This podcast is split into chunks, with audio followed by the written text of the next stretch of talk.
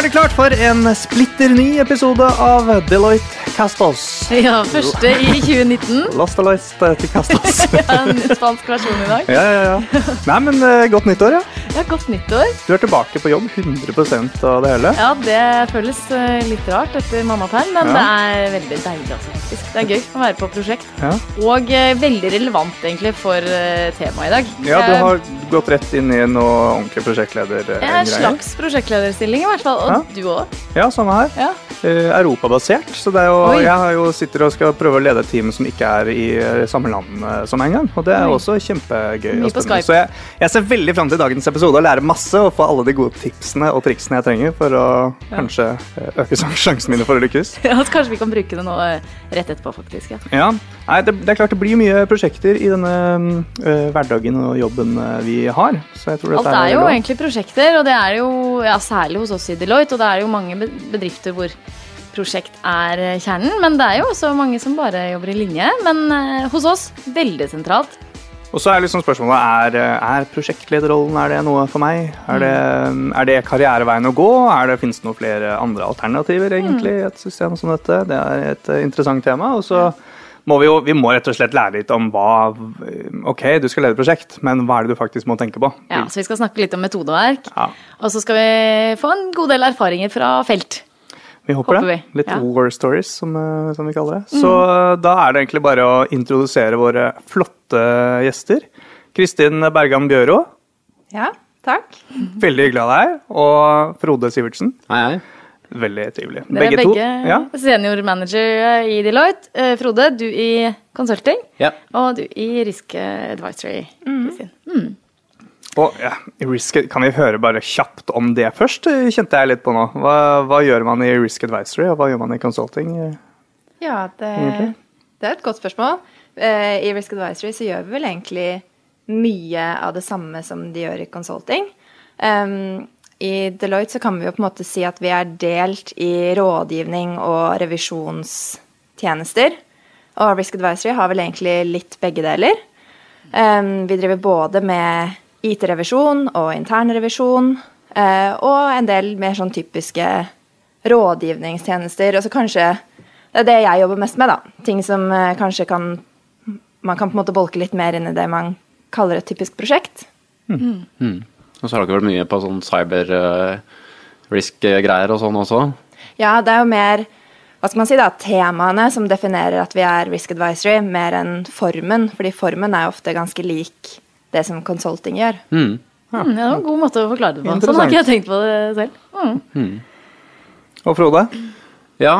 eh, jeg har vært i consulting lenge og flytta litt rundt, så eh, Du har sett det meste, du. Ja, det er å trekke litt langt, kanskje, men sett mye, i hvert fall. Ja. Eh, men har jo- Elleve år. Hæ? I elleve år?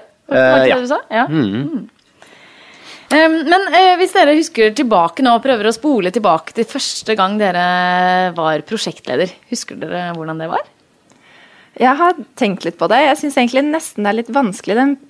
Det har vært litt sånn glidende overgang. Det har vel ikke vært sånn at jeg har vært i ett prosjekt hvor jeg har definitivt vært prosjektmedarbeider, og så plutselig så har jeg vært helt tydelig prosjektleder. Så jeg prøvde å tenke tilbake på hvilke eh, prosjektlederroller har jeg hatt. Og da syns jeg nesten det er vanskelig å komme opp med noen gode eksempler der hvor jeg har vært prosjektleder sånn som jeg egentlig tenker at en prosjektlederrolle skal være. Hvordan skal en prosjektleder være, da? det har jeg tydeligvis ikke funnet helt ut av.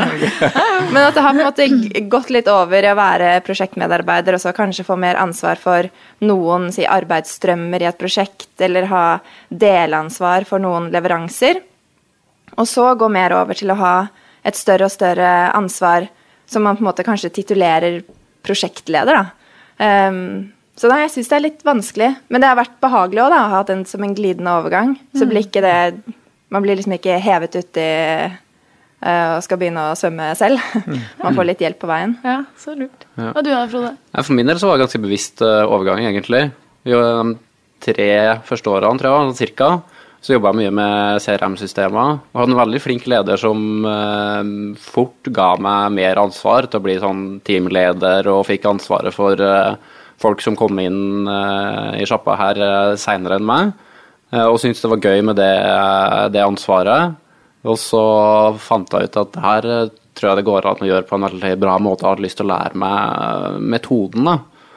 Um, så jeg bytta Da gjorde jeg mitt første bytte etter en tre-fire år internt i consulting, og fikk et prosjektlederoppdrag uh, der jeg skulle ta over etter en uh, den gangen senior manager som skulle slutte.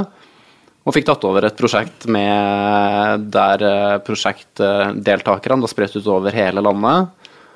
Og så vi jobba mye Det var flere jeg aldri så ansikt til ansikt. Så vi jobba mye per mail og telefon og Skype-samtaler og sånn. Og prøve å få det til å gå sammen. Og da fordypa jeg meg ordentlig metodikk og sånn, og så ville jeg ordentlig teste og føle på hvordan eh, hva er beste praksis i at en skal gjøre som prosjektleder. Ja, så du, du ble kasta på ganske dypt vann, høres det litt ut som? Ja. Og da var det sånn Shit, her må jeg, nå må jeg ha noen metoder her. Noen redningsvester for å lære å Ja. klare å svømme. Ja. Var det litt sånn? Ja, og så hadde jeg ganske god Da hadde jeg jo litt fartstid her også, så hadde jeg jo vært i ganske Eller veldig krevende prosjekter allerede, men som deltaker. Eh, Så jeg hadde jo noen formeninger om hva jeg ville gjøre annerledes enn det jeg hadde opplevd av prosjektledere rundt meg. Så det var å prøve å sette fokus på det og gjøre som best en kunne. Og så var jo å spare litt med den oppdragsansvarlige partneren herifra innimellom, da, og sjekke litt om hun gjorde de riktige tingene. Hjelper å ha noen erfarne støttespillere i bakhånd. Det er alltid fint. Og til den første smakebiten, hva var det som gjorde at du tenkte at det, å, dette er gøy? Dette må jeg, jeg har lyst til å fortsette med. Eh, ja, men da er jeg jo litt inne på det der med, som dere sa innledningsvis, at uh, nesten alt vi gjør er jo prosjektbasert. Um, og den følelsen av å I hvert fall når jeg jobber med IT-prosjekter og har liksom Når du trykker på en knapp, og så lanserer du en løsning globalt eller et eller annet sånn, og da jobber for det kanskje i ett år uh, På noe av de mest hårete prosjektene har det vært som en rus, nesten. Og oppleve det bare sånn at alt funka, og du kan gå hjem og slappe av etter å ha jobba med Ja. nye som skal skulderen, liksom. Ja. Mm. Det er som en jo- eksamensperiode som er eh, over, på en måte. Ja, kanskje det er det der. Mm. Minner litt om det. ja. Du har liksom jobba beinhardt eh, over lang tid. Som et team, kanskje det også er et, eh, en faktor? ja, absolutt. sammen har klart det, liksom. Ja, og det er jo, og det er jo en ting som jeg hele tida tenker at jeg har lyst til å lære mer om, er jo den eh, hvordan bli flinkere som leder, da. For én ting er jo den, tenker jeg, den der sånn litt sånn systematiske eller skjematiske måten å bruke eller sånn verktøy og maler og alle sånne type ting. Det prosjekttekniske og administrative, det er jo én ting av eh, prosjektledelsen. Men så er jo det å få folk til å trives og yte sitt beste, oppnå personlige karrieremål underveis, eh, se at de lærer noe nytt. Der tror jeg alle blir ferdig med å lære meg sjøl heller. Både struktur og det menneskelige. Ja, for det var det jeg lurte på. liksom sånn, Høre litt tanker um, før vi går inn i detaljer om, eh, om metoder og sånn. Hva er det som egentlig kreves? Uh, og hvis dere tenker tilbake på liksom, de beste prosjektlederne dere har hatt, kanskje, hva, hvordan var de? Ja, eh, jeg tror for min del så handler det, sånn som du sier, Frode, kanskje mye om det menneskelige, da. Det å være prosjektleder. Eh, for jeg tror jeg, jeg tenker litt ulikt på det med prosjektstyring og prosjektledelse. For det går an å gjøre veldig mye med prosjektstyring, som egentlig er mer sånn hvordan er det man organiserer et prosjekt, hvis man tenker kun innholdet på prosjektet. Og da kan man gå inn i sånn at det finnes masse metodikk og rammeverk og måter å gjøre det på. Men så handler det jo vel så mye om hvordan man leder mennesker. Eh, for det er jo det kanskje veldig synlig i Deloitte, hvor, og alle andre på en måte, altså konsulenthus eller, eh, eller organisasjon som jobber med prosjektet på den måten, at det er de menneskelige innsatsfaktorene. Det er egentlig alt vi har å tilby, er hoder. Og så har vi jo masse malverk og rammeverk og alt mulig annet rundt, men det er på en måte mennesker da, som er kjernen i det vi driver med.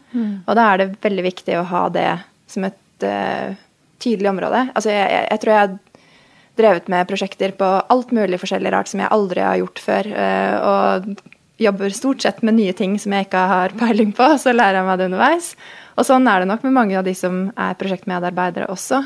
Og for at man skal få noe ut av det prosjektet, så er man nødt til å ikke, være hyggelig å ha med å gjøre og se de og ja, sørge for at man eh, eh, At deres Altså, de har også en prosess med seg selv med hvor de ønsker å være i karrieren, og alt fra hvor mye eller lite er det man har ønsker og kapasitet om å jobbe, og hvilke type oppgaver er det man liker.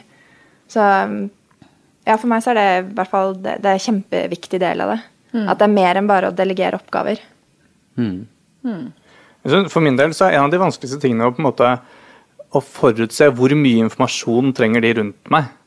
Og så klare å balansere den ehm, Og ikke gå i fella og tro at de eh, vet like mye som meg, som på en måte tenker på det her hele tiden. Det er kanskje, du leder kanskje folk som driver, er på prosjektet halv tid eller 40% eller, og noen fulltid, selvfølgelig. men og så skal du ikke gi for mye, og heller ikke for lite. Hvordan finner du den balansen? Der vil jeg gjerne ha noen tips. da. Ja, det. Men jeg, har, jeg husker veldig godt, eh, tror jeg nesten det første prosjektet jeg var på, da jeg begynte i Deloitte. Så da var jeg seniorkonsulent, og var da typisk prosjektmedarbeider. Og da fikk jeg en veldig sånn Det var litt som om de hadde på en måte delt opp prosjektet, så ga de meg én oppgave. Så var det litt sånn utfør denne oppgaven. Og jeg hadde ikke noe kontekst, jeg hadde ikke noe måte, historien rundt. Jeg visste ikke hva vi skulle oppnå. Så jeg gikk på en måte ut og gjorde mitt beste, og så prøvde jeg å spørre internt sånn, hva er, det, hva er det vi egentlig skal med dette her, men jeg fikk ikke så mye gode svar. Og da hadde vi en liten runde på det eh, til slutt, da, etter at prosjektet var ferdig, hvor jeg fikk tilbakemelding om at jeg kunne ha levert bedre. Og jeg ga også den tilbakemeldingen sånn Det var litt vanskelig for meg å vite hvordan, ikke sant? Um, og at vi da kom fram til at å ja, kanskje det hadde vært en idé at jeg kunne fått mer informasjon til å begynne med, fordi det hadde vært lettere for meg å vite hva jeg skulle gjort annerledes. Um, og det tror jeg ikke var noe vondt ment fra dem, og det var ikke noe vondt ment fra meg å ikke levere så bra som jeg kunne. Men det har jeg på en måte tatt med meg, da, at jeg tror jeg heller kanskje involverer folk for mye enn å involvere de for lite. Mm. Og så har det sikkert sine egne konsekvenser, men jeg opplever i hvert fall at det er for meg så er det heldigere at det bikker den veien, da. Ja, jeg husker jo godt det første gangen jeg, når jeg begynte her og første prosjektet jeg havna på. Det var veldig vanskelig å og Det var et prosjekt som har pågått noen år allerede. Det var Det er enda mer vanskelig, egentlig, for du skal på en måte forstå historikken. Hvorfor er ting som det er? Er ting gjennomtenkt, eller mer, noen ganger så er det mer tilfeldig hvordan ting bare blir? Ja, jeg kom inn mens de var midt i en lansering av et eller annet, så det var armer og bein og masse trøkk overalt. Og så skulle jeg liksom komme inn helt fersk fra skolebenken og jobbe på prosjekt som jeg ikke helt, da, som, som der deg, Kristin, ikke visste helt ok, hva er det her egentlig? Eh, hva, skal vi, eh, hva gjør vi sammen, hva skal det bidra til, hva er målene med prosjektet? Sånne type ting som er helt naturlig å spørre om nå. Eh, og det prøver jeg å ta tak i som prosjektleder sjøl også, da, hver, hvert fall når du vet at det er folk som kanskje ikke har vært så mye på prosjekt før.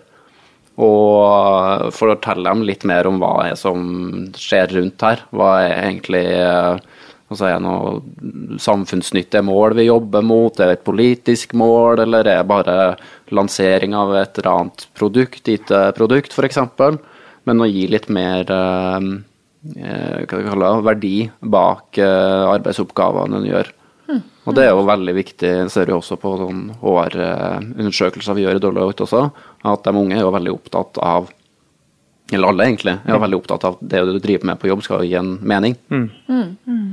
Ja, og det å se sin plass i det hele, som du så snakket om, eh, Ja. Kristin, det er ganske viktig. Altså, hvis du bare for, Får du eierskap til oppgaven din hvis du kun får oppgaven?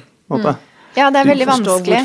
Og så er det jo sånn at uh, i hvert fall i, veldig mange av de prosjektene jeg jobbet i, hvor det er en leveranse på slutten, så blir det gjerne kjempehektisk på slutten, og man må sitte lange dager. og Jeg husker en morgen klokka seks om morgenen hvor jeg sykla hjemover etter å ha endelig blitt ferdig. Og da tenker sånn, Det krever at man har lyst til å gjøre en innsats mer enn å bare utføre en oppgave for at man skal gidde det. Og sitte hele natta, Å sitte sånn, ja. hele natta, jobbe siste innspurt og fonter og farger og ordlyd og spellchecks og Den mindre sexy siden bak prosjektlederrollen. prosjektlederrollen. Jeg tenkte på eh, det med styringen, hvis vi kan gå litt inn på det, for nå har vi vært litt inn på det med ledelse, kanskje vi kommer tilbake til det, men hvis vi går på styringen, så er det en haug av liksom sånn ting man kan bruke. Man kan bruke. Om det er risikomatriser eller milepælsplan eller definering av scope og liksom endrings... Ja, det er sånn slack, altså det er jo masse sånne greier. Eh, kan dere huske liksom, er det Hvis jeg bare kan velge én, da. Hvis jeg kan velge én sånn, eh, sånt virkemiddel eller hjelpemiddel, Verktøy, ja. hva er det som har hjulpet dere mest? Eh, oi, vanskelig. Må velge bare én? Vanligvis okay. Ville jeg sagt tre, men Du kan eh, få si ja, du tre, kan få da, si tre etter hvert. da. ja, altså, Det er jo en, en overordna milepælsplan. For det sier jo noe om tidsrammene uh, for uh, oppgavene og prosjektet. Eh, og så er det, er det et mandat eller en oppgavebeskrivelse som sier noe om hva er du er blitt bedt om å gjøre fra oppdragsgiver, og hva er det du skal få ut. Er det ett mandat på toppen, eller er det liksom mandat for hvert på en måte, delprosjekt under? Eller? Det kommer an litt på hvor stort det er. Eh, På de minste prosjektene vi kjører, så er det helt greit med altså bare en ensides oppsummering på noen eh, punkter som gjerne gjentar seg. Og da er det egentlig litt konteksten som vi snakket om tidligere. Den kan fanges opp der. Hva er utfordringen, hva er det vi prøver å løse, og litt sånne ting. Forhåpentligvis, da, hvis man har eh, en god oversikt. Men jeg er enig i det at det å ha å være enig om hva det egentlig er man skal, hvilket problem man skal løse, eller hva det er man skal få ut av det, det er jo på en måte første steg. Hvis man ikke har det, så hjelper det ikke så mye å ha en detaljert prosjektplan. Så da, da kommer vi fram til den ene tingen. Da, faktisk. Men eh, jeg er enig, altså det jeg også har hørt i, eh, i prosjekter når vi har kommet inn, spesielt ute hos kunder, og så skal vi prøve å komme og på en måte hjelpe til når de allerede er i gang, Ja. så er vi alltid sånn Ok, hold an litt nå. Hvorfor gjør vi dette her?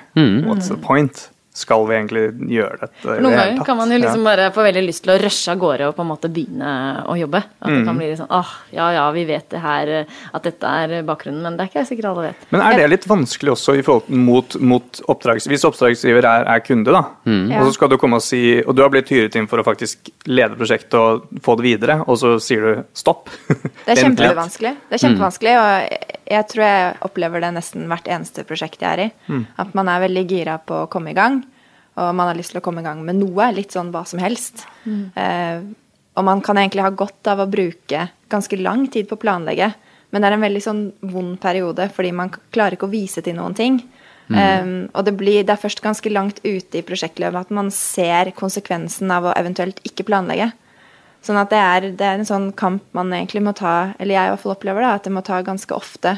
Og at jeg tror jeg ofte setter i gang tidligere enn jeg egentlig bør. Fordi at jeg òg har det der drivet inni meg til at jeg må jo vise til noe, ikke sant. Jeg må, Vi må jo få noe ut og gjøre noe ferdig og Ja, så det er ikke, det er ikke så lett å holde igjen og vite hvor mye man skal holde igjen, hvor mye man skal planlegge. Man er nødt til å begynne å gjøre noen ting også, på en måte. Ja. Så det avhenger litt av hva slags risikoprofil det er på prosjektet også. Ja. En kollega av oss bruker jo ganske ofte eksempelet om fjellklatring. Og når f.eks. Cecilie Skog skulle klatre en av eh, fjellene i Himalaya og brukt gjerne år og måneder på planlegging, så er jo selve turen ikke nødvendigvis så veldig lang da, i tid sammenligna. Men når du tenker på risikoprofilen med det, så er da planlegginga ganske så viktig, for du kan ikke begynne å replanlegge så veldig mye når det er oppe i en eh, fjellvegg i minusgrader og Ja, det er et godt bilde. Ja. Så man har milepælsplan og mandat. Eh, Er det noen få andre verktøy som dere tenker at å, det må vi også Ja, den siste har, eh, er risikomatrisen. Ja. Der var det. Ja.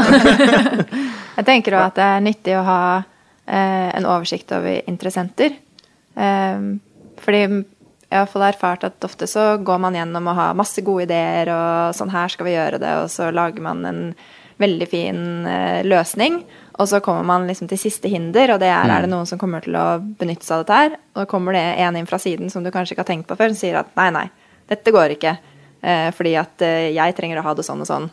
Og det kan være gode grunner, eller det kan være dårlige grunner. Det kan være alt fra at det faktisk ikke fungerer å gjøre det sånn fordi man ikke, det er en parameter man ikke har tenkt på, eller det kan være det at folk ikke har følt at de har vært nok med, og at de derfor på en måte motsetter seg litt det som kommer, selv om det egentlig er en god løsning. Så det å sørge for at man har en oversikt over hvilke interessenter man har, hvem man trenger å ha med seg, hvem man trenger å informere underveis, det er jo veldig viktig. Ja, og Da begynner vi å komme på det som er mest spennende med prosjektledelse, egentlig. Altså, da kjenner vi på lederbiten av det, som ofte er det som eh, I hvert fall etter min erfaring oftest eh, der en feiler også, da. Du kan alltid klare å lage en eller annen løsning ut ifra en spesifikasjon, eller å løse både på tid og kost og sånn, men hvis mottakeren ikke eh, er med underveis, eller kanskje ønsker seg noe annet, eller brukerne som skal bruke et eller annet, ikke har vært med, Så det som ofte skjer også, er jo at spesielt i større bedrifter, virksomheter, så skjer det flere prosjekter samtidig. Flere initiativer, og det er umulig for alle å vite hva alle driver med. Ja. Så sitter du på et prosjekt og lager noe, og så får du vite oi, det er noen andre som gjør nesten akkurat det samme. Mm. hva gjør man da? Nei, hva gjør man da? ja, helst så skal han jo ikke komme dit, da. Nei. Og det er jo litt som Kristin sa, og det, eh, og det ligger jo for så vidt i den der ensidersmalen vår for mandat, så ligger jo det med viktigste interessentene. Eh, Og da er det viktig som prosjektleder å gå litt bort ifra å jobbe med bare liksom maler og dokumenter og det en skal produsere. Eh, og gjør som en annen kollega sier, ta med seg kaffekoppene og, og gå litt i gangene. Prate med interessentene. eh, spørre litt om hva som skjer i organisasjonen. Fortelle litt om hva du gjør. eh, hvor langt har du kommet? Hvordan går det?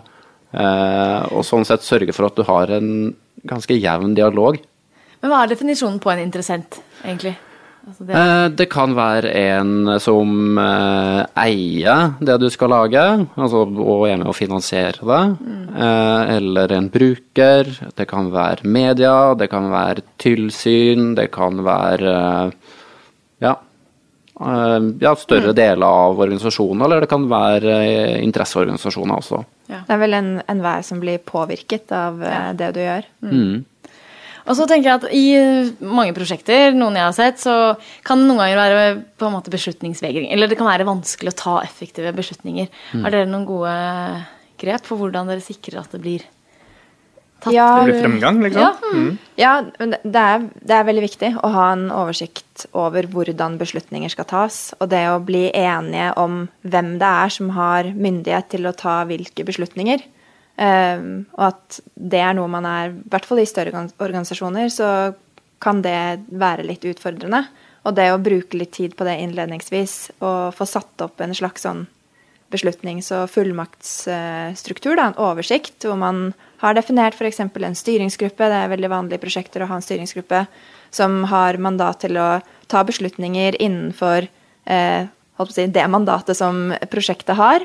Eh, og så er det noen ganger hvor man ser at eh, det man egentlig har bestemt at prosjektet skal utføre, altså det mandatet prosjektet har, at det ikke er riktig, da, at det må endres på. Og da kanskje man til og med må gå utenfor den styringsgruppa. Um, Og i organisasjonen vi jobber med, så er det jo, som vi snakket om helt innledningsvis, så er det gjerne en man deler mellom prosjekt og linje. Um, og prosjekter har jo da sant, gjerne sin måte, styringsstruktur, som er egentlig prosjektstrukturen med en styringsgruppe på toppen. Mens linje har linjebeslutningsvei som går mer på om du f.eks. har en avdelingsleder og en divisjonsleder, eller noen som er leder for hele eh, selskapet eller konsernet. Og det, noen typer beslutninger må kanskje gå den veien.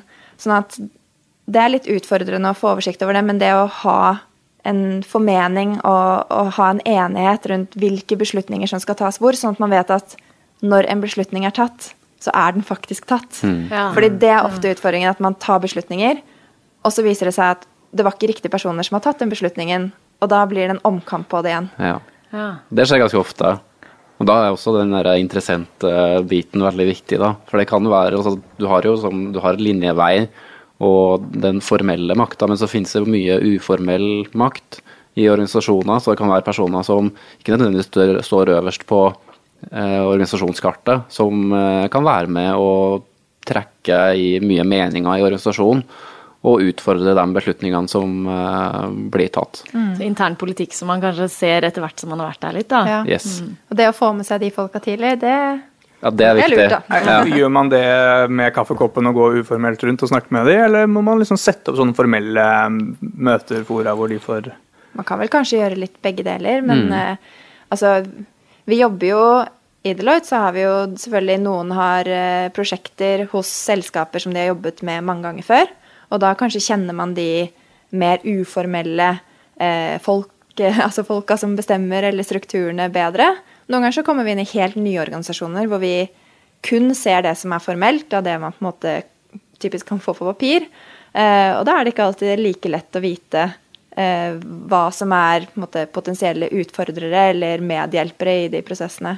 Men ja, det å ta med seg en kaffekopp på tur, det er aldri en dum idé, i hvert fall. Nei.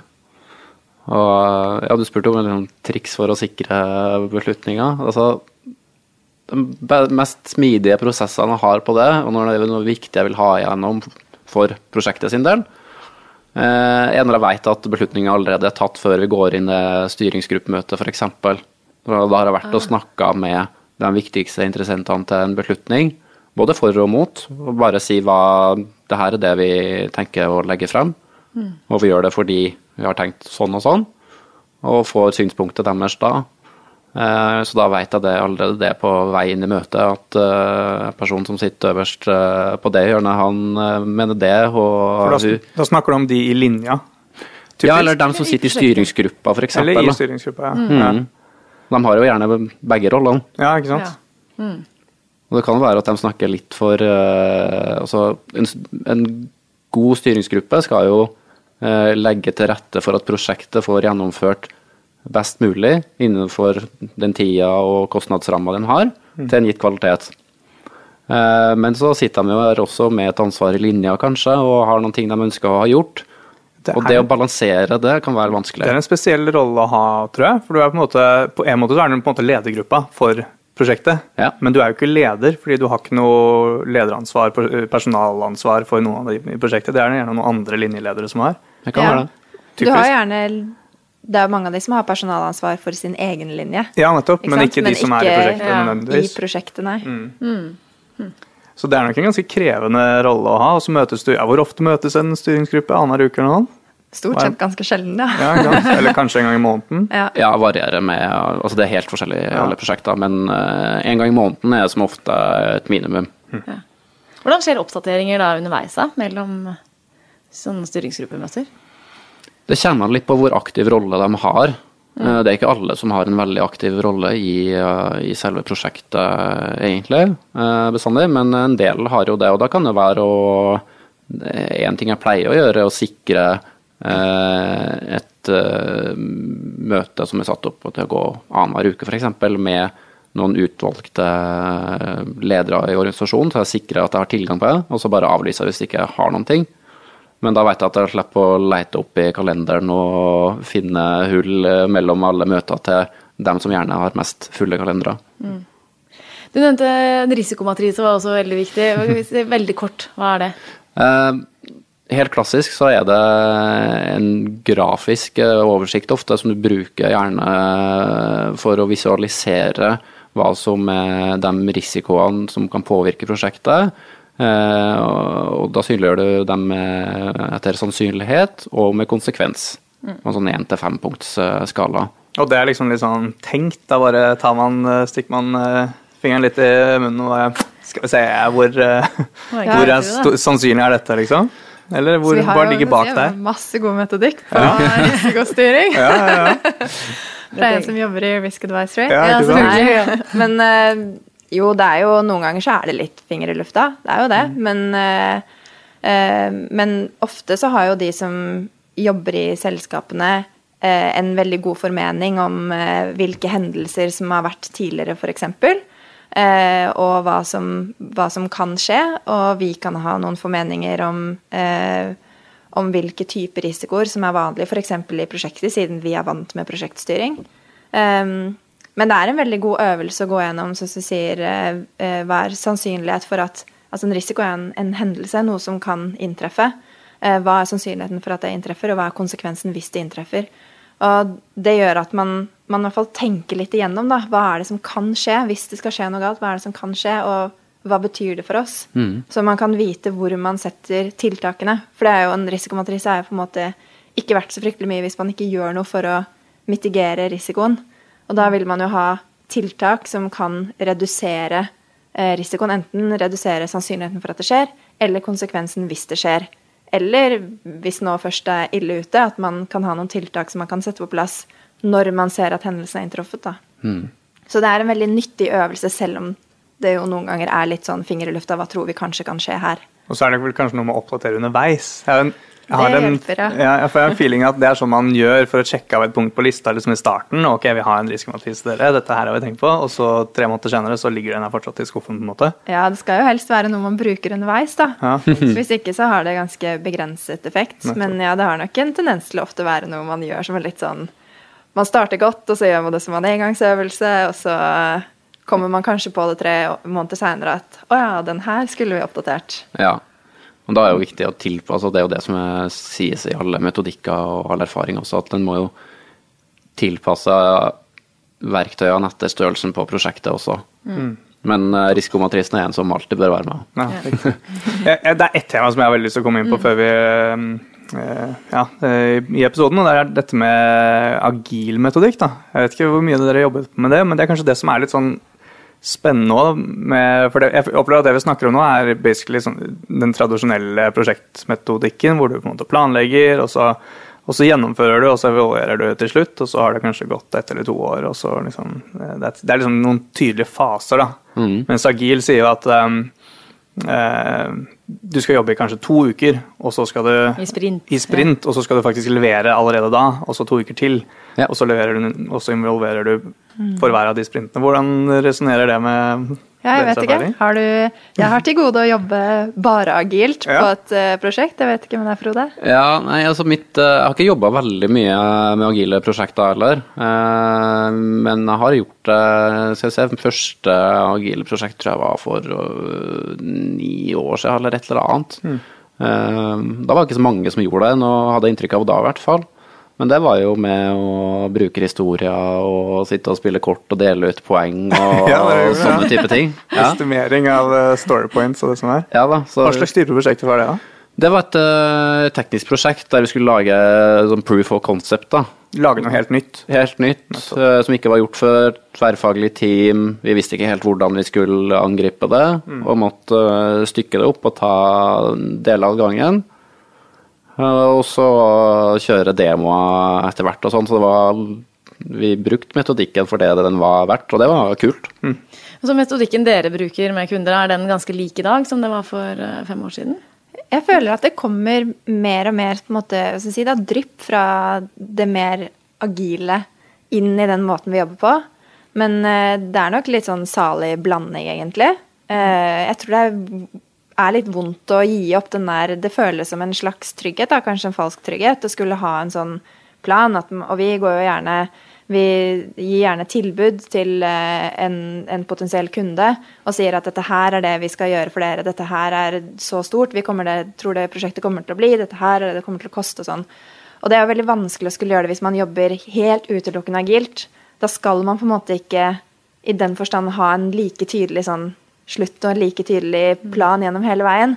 Så det utfordrer litt måten både vi jobber på, og de oppdragsgiverne våre eh, jobber på. Så det blir nok mer at eh, for min del i hvert fall, at det kommer inn elementer. At, man, mm. at det kommer inn elementer i måten man jobber på underveis, mer enn at hele pakken blir en agil pakke. Da tror jeg det tror jeg kanskje ligger litt fram i tid, i hvert fall for den typen prosjekter som jeg jobber med. da. Jo, men jeg tror det er akkurat det. Altså, jeg brukte litt tid på å reflektere rundt det her, og jeg tror det er, altså, det er egentlig grad av usikkerhet, eller at det er nye ting du jobber med, som vil diktere hvor mye du tar inn av det. Sånn at Ja. Hvis du har gjort det ti ganger før, hvis du har implementert CRM-systemet haugevis av ganger, så, så vet du på en måte hva som skal til. Du kjenner de typiske risikoene, og du, du vet hvem som bør involveres, og da, da kan du sette opp en plan. Men hvis du aldri har bygget den appen eller nettsida eller uh, add-on eller whatever før, så, så kan du ikke si noe. ta tre måneder eller seks Nei. eller ni. Eller, Så det er nok noen typer prosjekter hvor det passer bedre enn andre. Men jeg tror vi godt kan bruke mer agile metoder i veldig mange av prosjektene våre.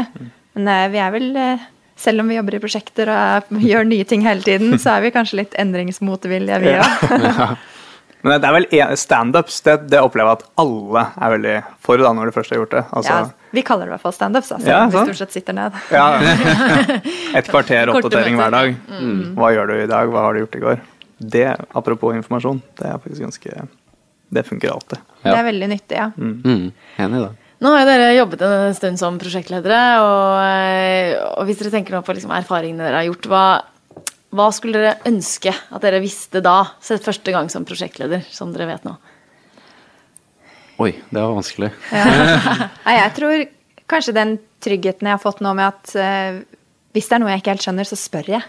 Ja. Jeg lurer på masse ting, og folk slenger rundt seg med forkortelser og fancy ord og uttrykk, og eh, at jeg på en måte nå skjønner litt at eh, det er veldig mange som Det er ikke gitt at jeg vet det, og det er ikke sikkert at de heller vet det. At noen ganger så pakker folk seg litt inn i litt sånn flotte måter å si ting på. Um, og at eh, nå, nå tør jeg å spørre, og det skulle jeg gjerne ønske at jeg gjorde, og, det var nok litt mer forsiktig før. At jeg turte å spørre da, hvis jeg ikke skjønte helt hva er det du mener nå. At jeg faktisk spurte etter det. Og så klarer kanskje ikke de å svare helt, og så finner man ut at ok, kanskje vi må undersøke det her litt bedre. Ja, kanskje, kanskje ingen er helt sikre på hva dette her betyr. Kanskje vi må utforske det litt mer. Ja, det er jo ofte sånn at en jeg er som regel ikke den eneste som sitter og lurer på noen ting. Nei, sant. Men det, det er jo nettopp det, må tørre å spørre. Noe annet? Hva er det dere Hva er det liksom det viktigste, eller, eller tips til der ute, da? folk der ute? Liksom, hva er det man bør fokusere på, eller ikke glemme? Jeg tror Jeg, jeg syns det er litt vanskelig. Det er jo mye man på en måte lærer seg litt underveis, og så glemmer man litt at dette her er ting som man har fått på en måte eh, under beltet etter, med litt tid, da. Men det å prøve å lage en litt struktur før man begynner, det syns jeg er veldig nyttig, for da har jeg litt bedre oversikt over hva, som, eh, hva jeg har, og hva jeg mangler. Og så er det å sørge for å få folk med, at, at eh, man hele tiden har med folk på reisen. da. Hvor er det vi er nå, hvor er det vi skal hen? Og heller involvere folk for mye enn for lite. Um, det har fått mye god tilbakemelding fra, på, fra de som har jobbet på prosjekt med meg, at de liker det, at de har kunnet ta ganske stor plass og lære seg å, å stole på folk. Og det er jo lettere hvis de har hele historien, enn hvis man bare deler ut småoppgaver. Så jeg sitter ikke så mye, tror jeg, og gjør en typisk kvalitetssjekker, som jeg tror kanskje noen andre gjør, og det er jo deilig å slippe. Ja, Morsomst er jo det når du har folk på prosjekt som bare blomstrer og omtrent vokser ut av rollen fordi de gjør det så bra. Eh, og det, er- det er kjempegøy å se på. Men det krever jo at en eh, gir slipp også, da. Og lar folk få prøve og ja, ikke styre for mye, eller må ikke ha akkurat på din måte. Eh, og da hender jo at du får ting som du aldri kunne ha tenkt på eller laga sjøl, og det er kjempegøy. Det der med å vokse at jeg tenker på det at For mange så ser kanskje en veldig sånn typisk karrierevei ut det at man skal bli prosjektleder. Men er en prosjektlederrolle er det for alle? Eller er det Nei, noen egenskaper man må ha?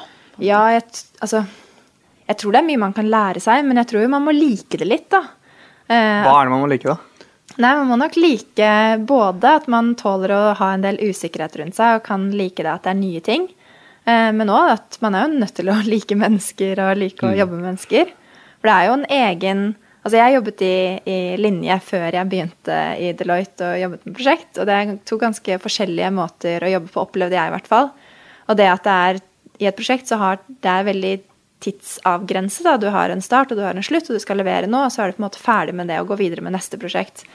Og det er en helt egen måte å jobbe på som skiller seg veldig fra Jeg tror det er den typiske linjemåten å jobbe på, hvor man kanskje har større arbeidsoppgaver som går over veldig mye lengre tid, og som kanskje, i hvert fall til en viss grad, kan være repetere seg eh, i større grad enn det det gjør eh, i prosjekt. Så ja, det varierer veldig med hva slags linjerolle man har, da. Men, eh, men at det er i hvert fall litt, det det fungerer liksom litt annerledes. Man må på en måte like den, den prosjektformen, tror jeg. Og det må man bare teste ut, sikkert, for å finne ut om man eh, liker det. Ja, det er aldri dumt å teste noe nytt. Nei, sant? Ja, det er jo folk som, og kollegaer også som sier at de ikke vil ha prosjektlederjobben, og det tenker jeg er helt fint. Her er jo plass til eh, alle varianter. Ja. Ja, hvis man vil være mer fagspesialist, eh, da, kanskje, eller eh, Ja. Ja. Eller ønsker å være prosjektmedarbeider, men ønsker ikke det eh, ansvaret. som også følger med å sitte på toppen av en sånn midlertidig organisasjon. Har vi tid til å snakke et spørsmål til, Andreas? eller? ja, vi er Altså, jo det litt med- sånn eh, Men det med Altså, for det er jo mye som kan gå galt. Ja. Eh, jeg vet ikke om dere har, husker noen historier til eh, noe som enten gikk galt, altså noen tabber, eller der det nesten gikk galt? Ja, altså, jeg kan huske på, i hvert fall på det første faktisk prosjektlederoppdraget jeg hadde. Så det var Vi jobba gjennom sommeren. Eh, dessverre, kan vi si. Og så eh, skulle vi Det var et offentlig prosjekt, og vi skulle kjøpe noe, en datastruktur faktisk av en annen eh, statlig virksomhet. Datastruktur. Ja, det, kan ikke gå i dybden på det. Nei, ikke gå i dybden på det. Men det innebærer også noe offentlig Også I offentlige så er det jo postgangen eh, skal jo inn i sånne derre Ja, det, går, det er jo journalført og alt sånt der. Ja. Så her var jo på brevsform. Oi, ja. Så jeg satt jo og venta da, og det, vi hadde jo masse forskjellige bedrifter som jobba på det. Jeg var bare prosjektleder. så var det noen som skulle ha et brev fra et annet sted. Og det her var i sommerferien, og det dukka ikke opp, og vi var veldig avhengig av det for å holde frister. Så endte det opp på at jeg som prosjektleder måtte ringe opp en, eh, en sjefen for det selskapet vi skulle kjøpe fra. Eh, Han var på ferie, eh, og det å få en eh, godt voksen bergenser til å kjøre fra hytta for å dra på jobben i ferien, og hvorpå å, å finne ut av kvarter før han er fremme at tabben lå hos kunden, og ikke hos dem, og forklare det, da det var, det var ikke gøy. Hva skulle du gjort annerledes da? Skulle du bare Nei, det, altså, det var eh, Det ble ikke utløst av meg, det var én på prosjektet, så jeg måtte jo bare ta ansvaret. Men det var jeg som fikk uh, bokstavelig talt ørene flagra, eh, og fikk uh, bergenser eh, som jeg fikk beskjed om å legge meg flat eh, fra, og ikke eh, Ikke prøve å forklare bort. bortforklare eller eh, noe sånt. Eh, Da tok jeg en telefon til eh, oppdragsansvarlig partner etterpå, og han sa pust med magen, det her går bra. Jeg har vært gjennom akkurat det samme sjøl. Ja. Takk Gud for e-post. Ja.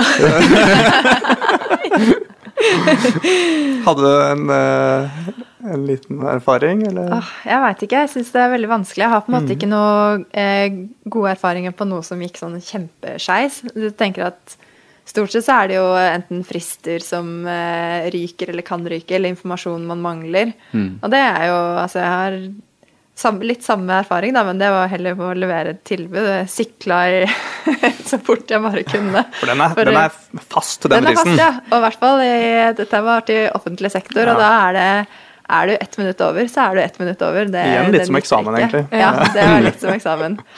Og sykla og sykla og sykla fra den ene siden av Oslo til den andre siden av Oslo for å nå det her. Det skulle fysisk leveres, ja. Det skal fysisk leveres, ja. Ringe på og løpe opp trappa. Og det gikk? eller? Det gikk heldigvis akkurat, ja. Nå husker jeg ikke om vi fikk det oppdraget eller ikke. Kom i hvert fall inn. Jeg kom i hvert fall inn døra. Ja, Ja, jeg syns det har vært veldig spennende å høre med. Og så litt sånn på om dette her er noe for, eh, for meg eller for deg der ute. Så det høres ut som du skal i hvert fall ha litt eh, orden på sakene dine. Du skal ha litt sånn struktur eh, i deg. I hvert fall, Ja, det hjelper, det. Det Ja, hjelper. det godt med. Og hvis ikke du har det, så bør du være klar over at det er noe du bør jobbe med. Eh, Ja. Og så er det noe med det menneskelige å ta med kaffekoppen rundt og faktisk tørre å slå av en prat og være litt nysgjerrig på hva folk driver med. Og Involvere både Involvere. prosjektmedarbeidere i dem. Du, det høres litt ut som du vet aldri hvem du kan liksom, ha nytte av å ha involvert, så heller for mye enn for lite. Mm. Ja. Ja. Nei, men det, det føler jeg at jeg har lært eh, masse i dag, jeg, som jeg skal gå rett ut og bruke. Jeg er helt enig. Jeg skal bruke det nå etterpå. Ja. Nei, men eh, Da må vi bare takke for at dere kom. Og så eh, kommer vi med en ny episode etter hvert. Vi, det, det gjør vi, og i mellomtiden så er det bare å sende inn forslag til nye temaer, eh, eller sende inn spørsmål til podcast.deloitte.no. Vi, vi Det er podkast med C der. Ja, ja, ja. Det, er- det er viktig. Ellers så kommer det altså ikke fram. Så det er ganske vesentlig. Eh, takk for at du hørte på nok en gang. Og ja, Vi høres. vi høres.